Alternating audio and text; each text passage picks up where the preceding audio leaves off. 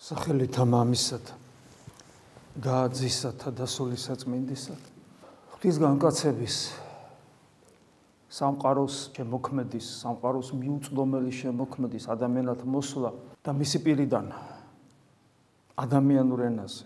ჩვენ ხო ამას ვერ ვაცნობიერებთ ბოლომდე რას ნიშნავს galaktikების შემოქმედის მიერ ადამიანურ ენაზე დაალაპარაკება არა წინასწარმეტყველისთვის გადაცემული ცოდნით ინფორმაციით სიტყვით, არამედ უშუალოდ თვითონ რომ არის, თვითონ რომ არის. პიროვნულად ამის გაცნობიერების უნარი ჩვენ არ გვაქვს ეს იმდენად გონება მიუწვდომელი. აი სამყაროში არაფერი არ არის ამაზე გონება მიუწვდომელი. თუ არა ის რომ ღმერთი განკაცდა ადამიანად მოვიდა და ეს ჩვენი ცნობიერებისათვის ჩვენი ადამიანური ბუნებისათვის აი საშინელი გომარეობა ადამიანს არანაირი რესურსი ამის ბოლომდე აღქმის და გაცნობიერების არ აქვს. მაგრამ მეორე მხრივ რას განაცხადებდა ღმერთი პირველ რიგში თუ არა იმას ჩვენ სინაში თუ რა უნდა მას, რა უნდა მას, მას სამყარო შექმნა. ვიცით რომ შექმნა ადამიანისათვის, იმიტომ რომ სხვა არსება ამას ვერ აღიქვავს. და თეორიულად ვიცით ეს ყველაფერი რომ მას უნდა რომ მასთან ვიყოთ ღმერთნი ვიყოთ და ასე შემდეგ მაგრამ ეს ზოგადი ის რაც ზოგადია ზოგადია თითოეული ადამიანისათვის პერსონიფიცირებული უნდა გახდეს და ზოგადად გასაგებია რაც არის თქვა წმინდა მამებსაც ვკითხულობ ღვთისმეტყველებას და უცებ მე კითხვა უნდა დავსვა მე მე მე რა გავაკეთო? აი თეოდორემ რა გავაკეთო? იმისათვის რომ მარადისობაში ღმერთთან ვიყო. და ის მიუწვდომელი, გონება მიუწვდომელი სიხარული, რომელიც ღმერთმა ადამიანს განუმზადა, როგორც პავლე მოციქული ამბობს, ჩემთვისაც იყოს ეს. აი ეს არის. და რა თქმა უნდა, ერთ-ერთი მთავარი ამ დროს არის ის, რომ რა გავიგო რა უნდა ღმერთს, ანუ ღვთის ნება და მე ამას ყოველთვის ვითხოვ მამაუჩვენოში. იყავნება შენი, თუმცა ნაკლებად გვესმის მამაუჩვენოს სიტყვები, ხო, იმდენად ღრმა არის თითოეული სიტყვა იმდენად ღრმა არის ხშირად მithქვავს ხოლმე რომ თითოეულ სიტყვაზე დაიწერება უამრავი დისერტაცია თეოლოგიური. იმდენად ღრმა არის იმდენად ღრმა არის ამიტომ ეს ჩვენ რო ესე იგი ესე წართქმით ვიტყვით ხოლმე მამაოჩვენო რომელი ხარ ცათაშინა რო ეს ვერანაირი კრიტიკას ვერ უძლებს ლიტურგიკულ მსახურებაში კიდე არა უჭირს როცა ერთად ლოცულობთ ყველა იმიტომ რომ ინდივიდუალური ღვთისმსახურებისათვის ადგილი არ არის მაგრამ როცა ადამიანი მარტო დგება ძალიან ხშირად უნდა იფიქროს მამაოჩონოს ყოველ სიტყვაზე. შეიძლება ადამიანმა როცა თქვას მას ტექსტუალური ლოცვა სურს, ტექსტის კითხვა, ხო? შეიძლება აი მამაოჩონო გარკვეული დიდი ხანი წაიღოს და თითოეულ სიტყვასაც ჩაუღმავდეს და იფიქროს ამაზე, რასთან აგვაქვს საქმე. რა თქმა უნდა, ფიქრი ლოცვა არ არის, მაგრამ მეორე მხრივ იმის გააზრება, რასაც ვამბობ, რომ შემდეგ ის გააზრებული ჩემს ბუნებრივ მოთხოვნილებად გადაიქცეს, ამას წინ დიახაც ფიქრიც უსწრებს, იმიტომ რომ გავიგო რასთან ამაკ საქმე საერთოდ. მიყავნებაშენი არის ერთ-ერთი უმთავრესი სათხოვარი პირველი სიტყვის მერე მამაო, სიტყვა მამაო, იმის მერე ყველა მნიშვნელოვანია იმისათვის, რომ ჩემი ღმერთთსადმი შილობა რეალიზდეს და ეს იყავნებაშენი ერთ-ერთი ერთ-ერთი უმნიშვნელოვანესი. და აი ღვთისნების შემეცნების აუცილებლობაზე დღეს ფილიპელთა მიმართ ეპისტოლეშიც აღმოვიკითხეთ პირველი ეპისტოლე ფილიპელთა მიმართ, სადაც პავლე მოციქული ამბობს თავის სულიერ შვილებს მიმართავს ჩვენს მოგმართავს შესაბამისად ვლოცულობ რათა შეიცნოთ რა არის უმჯობესი. უმჯობესი რა თქმა უნდა ღვთის განგებულების თვალსაზრისით. ანუ პავლე მოციქული ხედავს რა სირთულეს იმისა რომ ადამიანებმა არიციან მათთვის რა არის უმჯობესი ანუ არიციან ღვთის ნება პავლე მოციქული მათთვის ლოცულობს. მე ვლოცულობ რომ გაიგოთ თქვენ შეიმეცნოთ რა არის თქვენთვის უმჯობესი ასე რომ ეს საკმაოდ სერიოზული პრობლემაა თითოეული ჩვენგანისათვის და პავლე მოციქული დღესაც მეოხია ჩვენი და ყველა წმინდანი რომ გავიგოთ ბოლოს და ბოლოს რას ნიშნავს ეს იყავნება შენი? რა რა უნდა ღმერთს? თვითონ ღვთის განკაცება. ჩვენ ვიცით რომ არსებობს ამასოფლის სული რომლის თავადი არის სატანა. იმიტომ რომ გაბატონდა ადამიანის სურვილით, ნებით და დაზიანებულობით გაბატონდა ეშმაკის სამყაროზე. მაგრამ ღვთის და ადამიანს ადამიანი ვერ გზნობს. აი ხო გინახიათ რომ ადამიანი თავს რო კარგად გზნობს ამ სამყაროში. არც ქრისტიანულად ცხოვრობს, ზოგს ყოფნის ამის თავხედობას კი რო უთქვავთ, ათეისტებს ჩვევიათ ხოლმე. იცი რა, ღმერთი არ ამჭირდება, ისედაც კარგად გზნობ თავს. ნუ ეხლა ამაზე მეტი უგუნურობა რა გინდა, ეს ცალკე თემაა, მაგრამ ზოგადად ადამიანი იმდენად არის გათქვეფილი ამასოფლის სულში, ეს დემონური სულია, დემონური, რომ ვერც კი გძნობს თავის სავალალო მდგომარეობას. ერთადერთი რის მიხედვითაც მან შეიძლება ბოლომდე სრულად გაინახოს საკუთარი თავი, ეს არის განკაცებული ღმერთი, იმიტომ რომ ღმერთი რო სამყაროში შემოვიდა, შეიძლება ითქვას, რომ თელი სამყარო აირია. სამყარო აღდგა, აი როგორც იერუსალიმშიო, მთელი იერუსალიმის შეშფოთდა რო გაიგეს რაღაცა წინასწარმეტყველება სრულდება, ისრაელის მეფე იბადება, ანუ მთელი მთელი იერუსალიმის შეშფოთდა, იროდი მეფეს რა დაემართა. აი ფაქტობრივად ეს არის ერთგვარი მოდელი მთელი სამყაროსი. მთელი სამყარო აღშფოთდა, როგორ ღმერთი მოვიდა ჩვენთან. ეს ბოროტმევე ნახებზე როა იგავი. გააგეთ ბოლოს ბოლოს ესე იგი ღმერთ თავის შვილი გააგზავნა, გააგიჟდნენ საერთოდ ამაზე. წავედით, მოუკლათ. აი ეს დაემართა. ლუსტრაცია მოახდინა. ღვთის განკაცება სრულად. ამიტომ არის რომ ადამიანის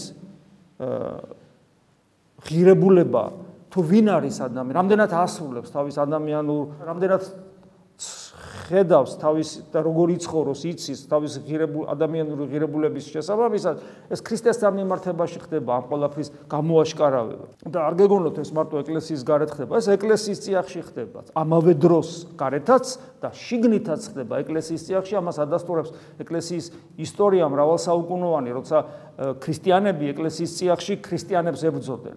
სწორედ ქრისტეს გამოებრძოდნენ. ეს ეს ბუნებრივია სამწუხაროდ, იმიტომ რომ ამას ოფლისული ყველგან აღწევს. და აი იოანე מחარებელთან მკითხულობთ ესეთ რამეს, უფლის სიტყვები. იოანეს სახარების მეშვიდეთავია ეს. ვმოწმობ იმას, რომ ბოროტნი არიან საქმენი, ამას ოფლის საქმენი. ბოროტნი, უფალი არ ამბობს რაღაც სანახევროდ. უფალი ამბობს ვმოწმობ, რომ ბოროტნი არიან ამას ოფლის საქმენი. ბოროტნი, და ჩვენ ეს გვავიწყდება. გვავიწყდება. ჩვენ რომელიც ამას ოფლის სულში ესე გათქვეფილი ვართ, გათქვეფილი ვარ. და ჩვენ გათქვეფილი ვარ საჩანს პრაქტიკაში სადაც ჩანს. როგორ გვიჭირს ქრისტიანული ცხოვრება? როგორ როგორ გვიჭირს ლოცვა? ყველაზე მეტად ამის ილუსტრაცია ხო გონების მიერ ლოცვის დროს ხდება. რატო? იმიტომ რომ გონების მიერ ლოცვის დროს არათუ სხვა საქმეები დაკავებული არ უნდა იყო.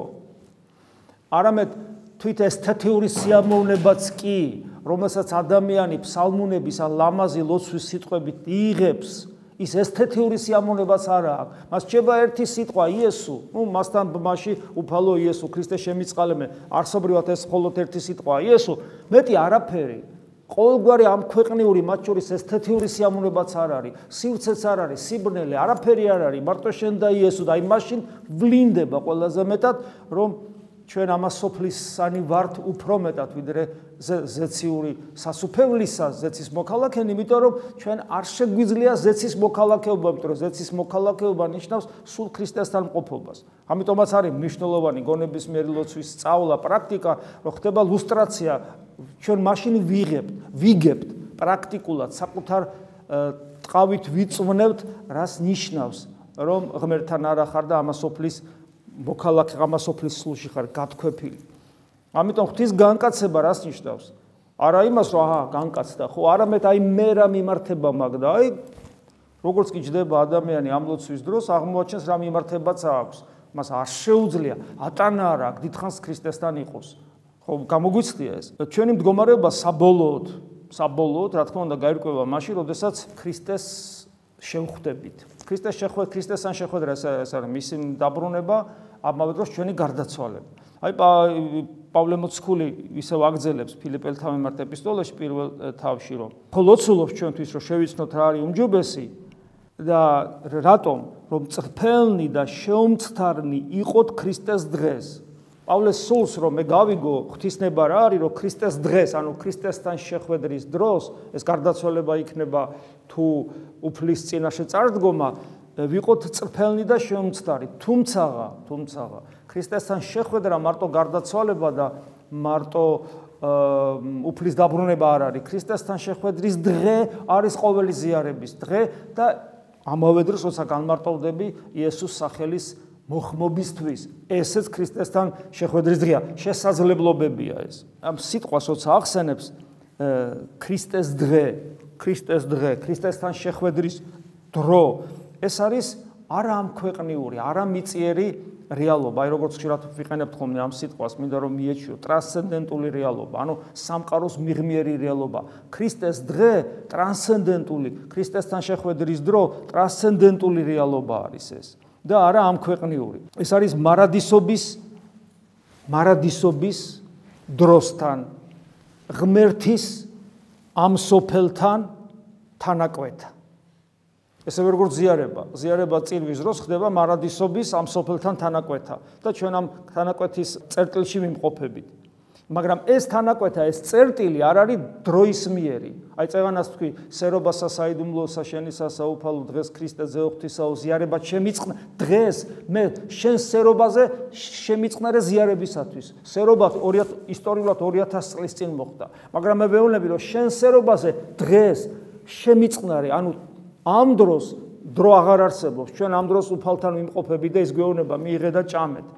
ანუ ეს არის დიახას მარადისობის დროსთან. თანაკვეთა, იმიტომ რომ ღმერთის თანაკვეთა ხდება ამ სოფელთან. ეს არის ქრისტეს დღე და ეს ხდება როგორც გითხარით, არა მარტო გარდაცვალების, ანუ თლის დაბრუნების, არამედ ყოველთვის შეიძლება ეს მოხდეს.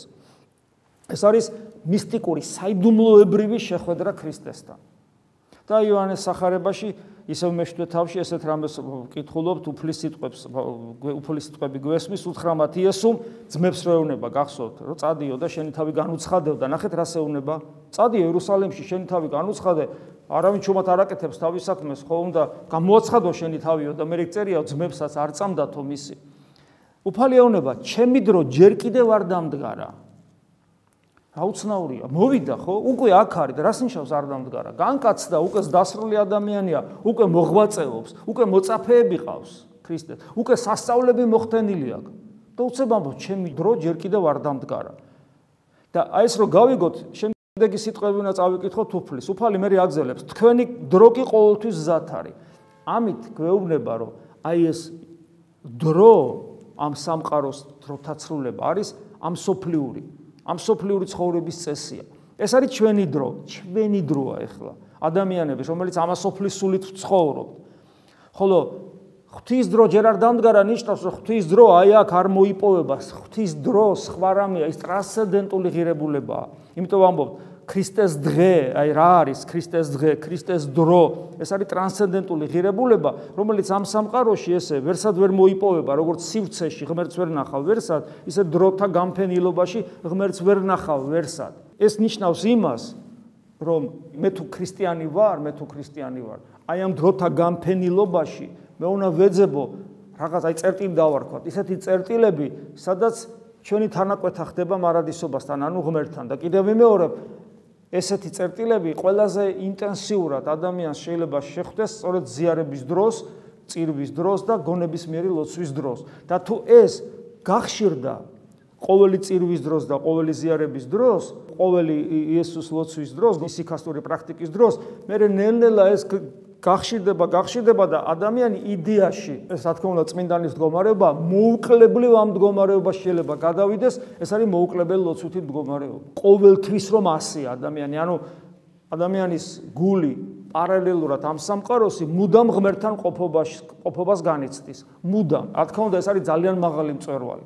მაგრამ ჩვენ აქეთკენ უნდა ვისწრაფოთ. არც ერთი წამი ქრისტეს გარეშე ეს არ არის რაღაც მეტაფორა. ეს არის ის რეალობა, რომელიც ჩვენში უნდა რეალიზდეს. ჩვენ აქეთკენ უნდა მივისწრაფოთ. ამ მივისწრაფოთ. ამავე დროს უნდა გვახსოვდეს, რომ დროში ძიება ღმერთისა. ეს წამგებიანი პოზიცია ჩვენთვის როგორც ქრისტიანისათვის იმიტომ რომ ღმერთი ჩვენ რატო? იმიტომ რომ ადამიანი ელოდება აი ახლა რაღაცა იქნება ახლა რაღაცა იქნება. ეს მოლოდინი დროში გაწელილი. იმიტომ რომ ჩვენ ვფიქრობთ რომ ღმერთი დამოკიდებულია რაღაცა გარეგნულზე რაღაცა ან ჩემს ქმედებებზე ან ჩემს ღვაწლზე. და რა ვიცი ჩემს სურვილზე ჩემს თხოვნაზე თან რაღაც გარეგან მსახურებაზე ღმერთი არ შემოდის ჩვენ ცხოვრებაში მაშინ როცა გგონია რომ უნდა შემოვიდეს. ასევე როგორც ადრეს გითხარით ღმერთი არ აკეთებს იმას რაც ჩვენ ფიქრობთ რომ უნდა გააკეთოს. ჩვენ გონია რომ ღმერთმა ეხლა ღმერთი ასე უნდა ღმერთმა ეს უნდა გააკეთოს. აბა როგორ?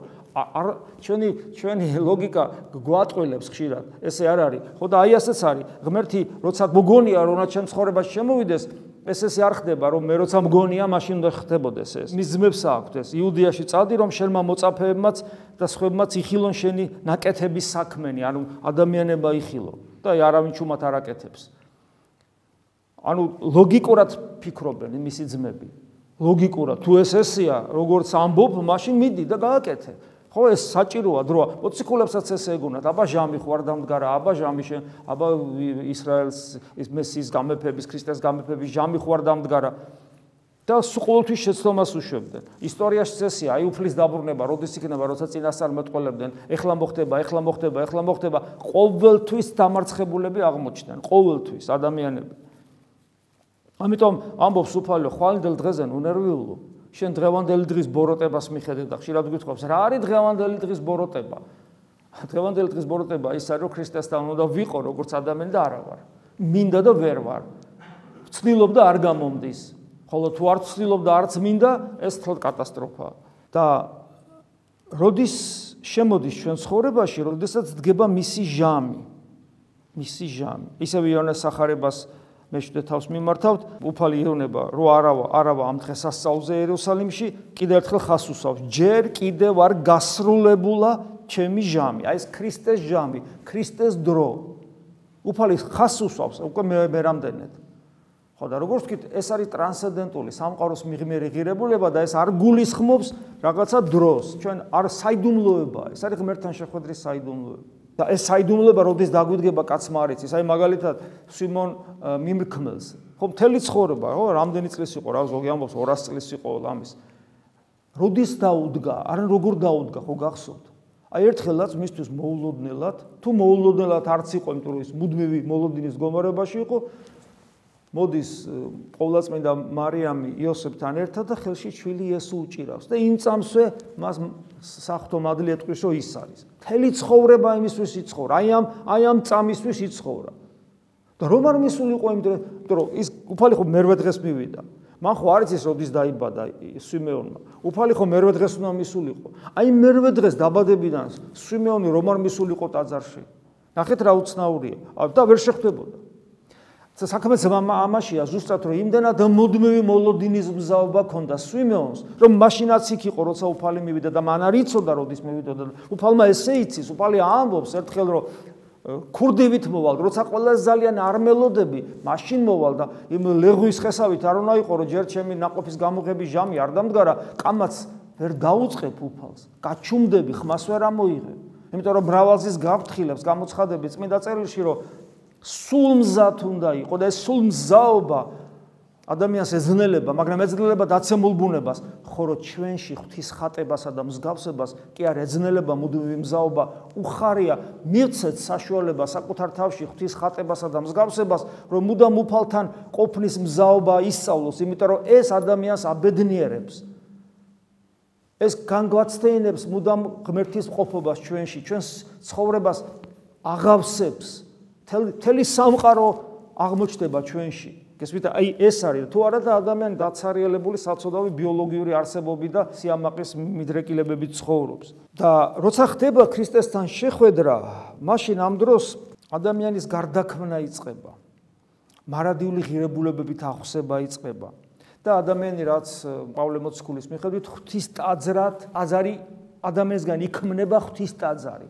ანუ ხდება ახალი ქმნილება. აი ფილიპელთა მიმართ ეპისტოლეში ასეთ რამეს გკითხულობთ, რომ როცა პავლე ესე იგი ლოცულობს ჩვენთვის აგვევედრება რომ ღვთისნება შევიცნოთ და რომ წფელი და შეუმცდარნი ვიყოთ ქრისტეს დღეს, მე ამას რა მოყვება ناقოფად? სიმართლის ناقოფით აღსილნი აღხვდებით იესო ქრისტეს მიერ. სიმართლის ناقოფი, სავსე, როცა ვიქნებით, ეს რას ნიშნავს? ჩვენში ჩვენში ღმერთია. სიმართლის ناقოფი თავად სახთო მადლი და ენერგიაა. ეს არის სიმართლის ناყოფი და ქრისტეს დღეს აი ესე შევხვდები მე.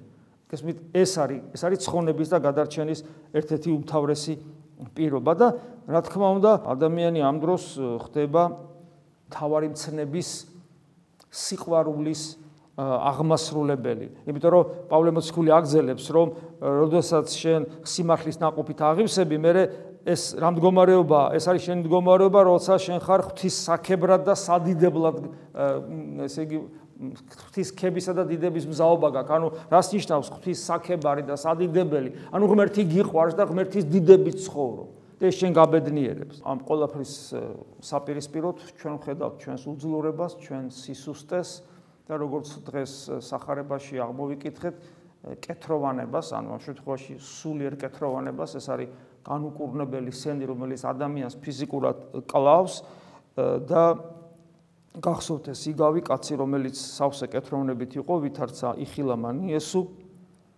დავარდა პირსაზე და თვისა, ანუ ჩვენ ვართ კეთროვანები სულიერად, ჩვენ არ შეგვიძლია ვიცოცხლოთ. ეს ყველაფერი რაზეც ვილაპარაკე, ძალიან შეიძლება ლამაზად მოგოჩვენოს და ლამაზიც არის, რატომ უნდა მოგოჩვენოს? ლამაზია, მაგრამ რეალურად ჩვენ ამის გამკეთებლები არა ვართ, რაზეც ვილაპარაკობ, იმიტომ რომ ჩვენ ვართ კიდევ იმერებ კეთროვანი, ჩვენ თუ ბევრჯერ გვიცდია, რაზეც ახლა მე საუბრობდი.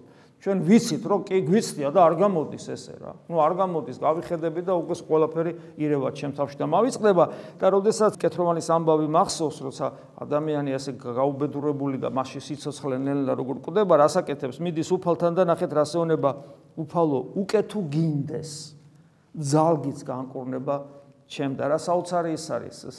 თან წმენა ქრისტესადმი და თან სიმდაბლე რომ შენ როგორ არ შეგილია ჩემი განკურნება, მაგრამ შენ გინდა ეს უფალო და თუ გინდა, თუ გინდა, რა საოცრებაა, მე კი არ მინდა, თუ გინდა გამკურნე.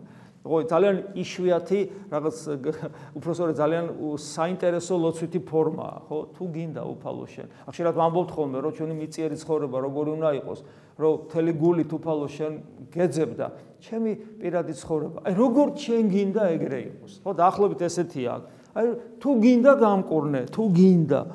და აი ეს უფლისა მაიმედებელი სიტყვები მართლაც როგორ ისმის ხო? განყო ხელი შეახო მას და თქვა მნებავს ეს ახაც იმპერატიული ტონი ჩანს. მნებავს განეწმინდა. ანუ ამით გვეუბნება ამ სიუჟეტით წმინდა წერილი რომ უფალს როგორ არ უნდა? სწორად ეგ უნდა. მნებავს მნებავს და ჩვენ რა თქმა უნდა ერთადერთი სადიდებელი გვჩება რომ უფალი ვადიდოთ დიდება ქრისტე ღმერთო სასოებაო ჩვენო იმედო ჩვენო დიდება შენ და როგორც ლოცვაში ვამბობთ იმიტომ რომ წარმოიდგინეთ მას უნდა მე არ შემიძლია მაგრამ მას უნდა და თუ შემეხო მაკურნებელი მარჯვენით მე მე უკვე შევძლებ ყოლაფრი მის აღსრულებას რაზეც ჩვენ ვისაუბრეთ. ესე იგი რა არის საჭირო? დავიმდაბლო თავი და სურვილით რომ უფალს ბოლომდე მივენდო მეც ვთხოვო ამ კეთროვანთან ერთად უფალო შენ თუ გინდა შეგიძლია რომ მე განკურნო და ეს ყველაფერი ჩემში აღსრულდეს.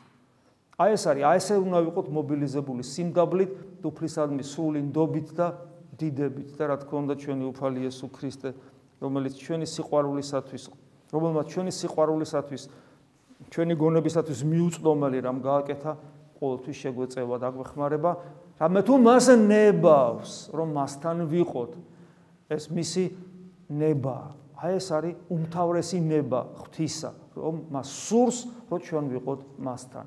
ამინ. მადლი უფლისა ჩვენისა იესო ქრისტესი და სიყვარული ღვთისა და მამისა და ზიარება სულისა წმინდისა იყოს თქვენ ყოველთა თან. ამინ.